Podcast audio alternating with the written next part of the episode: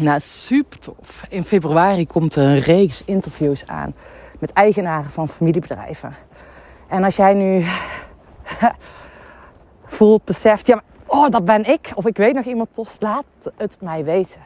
En gisteren had ik um, een supermooi telefonisch gesprek met een eigenaar van een familiebedrijf. Die dus binnenkort in de podcast komt. En nou ja, ik weet dat het gevoelig kan liggen. Um, ik had er ook een foto op LinkedIn gepraat, geplaatst. Ik, ik, wil jou recht in de ogen aankijken. En het liefst leg ik natuurlijk alles op tafel. En nou, hij gaf ook aan, ja, weet je, we zitten in transitie met twee zonen en één dochter. Dus broer, broertje, zusje. En ik proefde dat zij nog aan het puzzelen zijn. hey, wie gaat welke plek innemen? Hey, hoe gaan we het samen verdelen? Uh, wie doet wat? Wie is waar verantwoordelijk voor? En de ene is directeur, de andere hebben uh, gewoon een rol. En toen zei hij, maakte hij de opmerking: Ja, maar Sanne, we zitten midden in die transitie om dit op scherp te zetten. En het is gewoon onmogelijk om de familiedynamiek buiten de deur te houden. En toen moest ik lachen. Want is dat echt zo? Welkom bij de Peak Performance Podcast, de podcast voor winnaars. Mijn naam is Sanne van Paas en ik geloof erin dat jij tot nog meer in staat bent dan dat jij nu denkt. En nee, het gaat niet alleen om harder werken, om meer doen, meer gas geven. Dat ken ik zelf heel goed als ex-topsporter, boerendochter. Maar vaak ga jij juist het verschil maken door te vertragen. Hm, fijn dat je erbij bent. En weet dus, er komt een reeks mooie interviews aan. Ik kijk er naar uit om die gesprekken te gaan voeren met eigenaren van familiebedrijven. En je zult misschien denken, hey Sanne, hoe komt dat nou? dat ik me besefte, joh, als ik ga kijken naar connecting the dots, terugkijk naar mijn klanten, denk ik, oh, 80% van mijn klanten zijn gewoon eigenaar van familiebedrijven. En aangezien ik een dochter ben, een boerendochter van een familiebedrijf, ik die familiedynamiek, die organisatiedynamiek, daar ook heel erg heb gevoeld, waargenomen. En ik merk gewoon dat ik enthousiast word om met uh, deze type ondernemers en bedrijven te werken.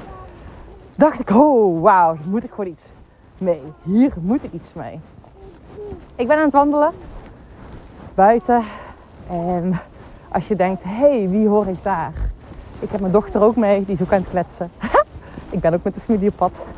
Mijn hond is erbij. Oké, maar ik wil het vandaag eens met jou over hebben. Is het mogelijk op het moment dat je in transitie zit? Als jij eigenaar bent, samen met je broers en zussen, misschien nog wel met je ouders, om uit die familiedynamiek te blijven.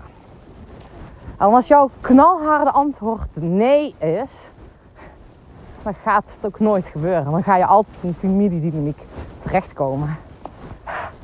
Want dat is stap nummer één. Op het moment dat jij gelooft, oké, hey, we kunnen ook het gesprek voeren als businesspartners en niet alleen als broer en zus. Of broer, broertje en zusje. Maar we kunnen dit ook, dit gesprek voeren als businesspartners, als mede-eigenaren. Dan ga je op, vanuit een hele andere plek aan tafel zitten. Maar op het moment dat jij vanuit de waan van de dag opkomt dagen in de gesprekken die je voert. En jij niet in de lead bent. En wat ik daarmee bedoel, ik bedoel niet praktisch in de lead van het gesprek. Maar als jij niet in de lead bent over jouw persoonlijk leiderschap. Over wat er in jouw lijf gebeurt. Want dat is wat er gebeurt. Op het moment dat jij, weet je, patronen wilt doorspreken. Als jij nieuwe stappen wilt maken.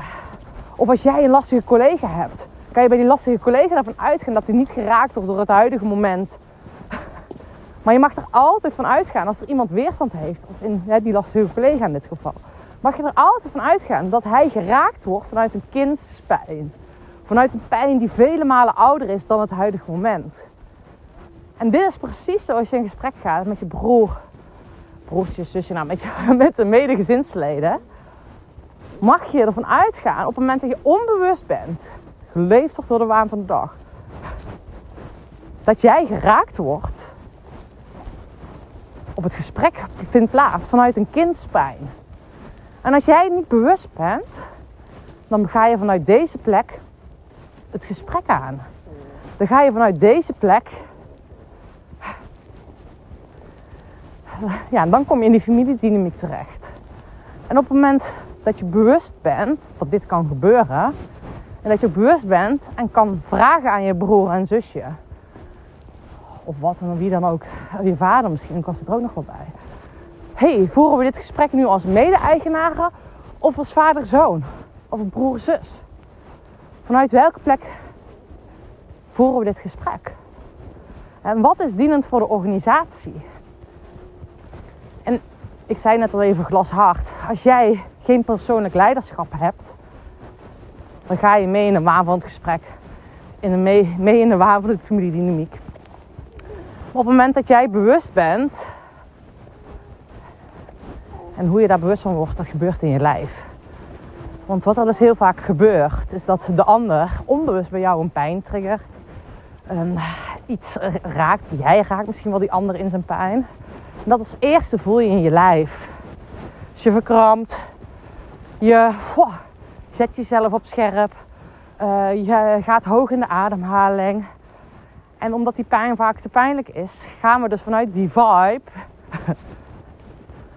het gesprek verder voeren. Is zonde. En er hoeft er maar één zo verstandig te zijn.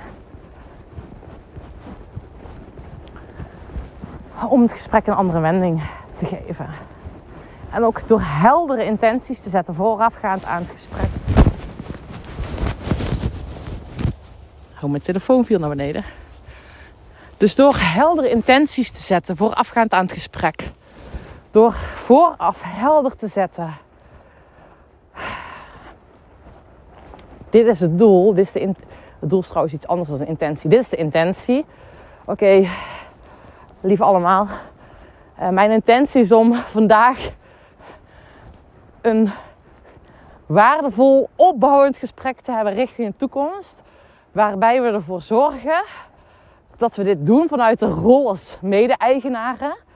En op het moment dat we merken dat we geraakt worden in de familiedynamiek, in de kindspijn en nou, geraakt worden door elkaar.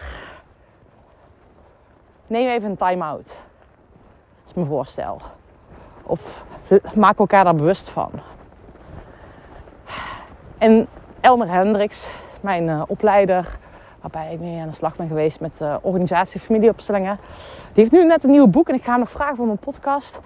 Uh, volwassen worden voor volwassenen. Hij zegt heel vaak, ja maar echt 80% van de volwassen mensen is niet volwassen.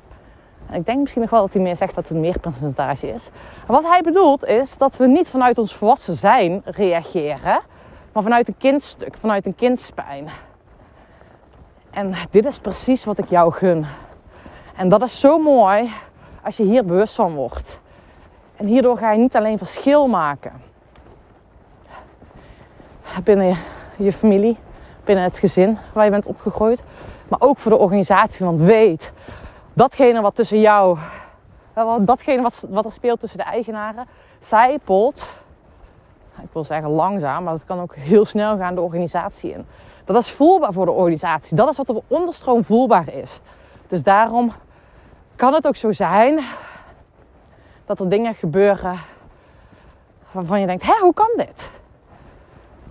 Ik heb namelijk wel eens opdrachten, nou ja, niet gedaan. Want uiteindelijk heb ik nee gezegd. Waarbij ik dus gevraagd werd: Hey Sanne, wil je deze shit in het team oplossen? En dan ging ik vragen stellen. En al die vragen wees erop dat de oorzaak hoger in de organisatie zit. Dus ik kan wel gaan poetsen bij het team. Maar weet, alles wat er in de organisatie gebeurt, is een spiegel wat onder ogen moet komen. En het hoeft niet per definitie te zeggen als er een, een team niet goed stroomt, dat de oorzaak in dat team zit. Want als het hogerop in de onderstroom bepaalde belangrijke dingen worden verzwegen, niet worden aangekeken, de kantjes vanaf worden gelopen, dingen worden buitengesloten, ontkend. I don't know wat er bij jou precies gebeurt binnen jullie organisatie. Maar weet, weet, weet, weet dat dit dus mega impactvol is voor de organisatie. Oké, ik moest dit gewoon even delen. Even kwijt. Ik geloof dat jij dat kan. Het zal niet een makkelijke weg zijn. Maar als je die overtuiging gaat switchen, dat lukt ons om buiten de familiedynamiek dat te gaan doen, dan uh, ga je het verschil maken. Niet alleen voor jezelf, voor je andere gezinsleden, voor je familie en voor je bedrijf. Hoe fantastisch is dat? Nou, lieve jij, dankjewel voor het luisteren. Ik kijk naar de, uit naar de fantastische interviews. Als jij nu denkt, hey, ik ben eigenaar van een familiebedrijf, je moet mij hebben. Ah, ik zou graag wel met jou het gesprek aan willen gaan. Ook de inspiratie voor andere ondernemers, familiebedrijven, families. Ah, stuur me een berichtje. Super tof om samen het gesprek aan te gaan. En als je nu denkt, hé, hey, want dat is tof. Ik ga binnenkort uh, in mei starten Peak Performance Games. Leiderschapsprogramma wat anders is dan anders. Waarbij we aan de bak gaan met de onderstroom. Waar we gaan werken hoe jij als leider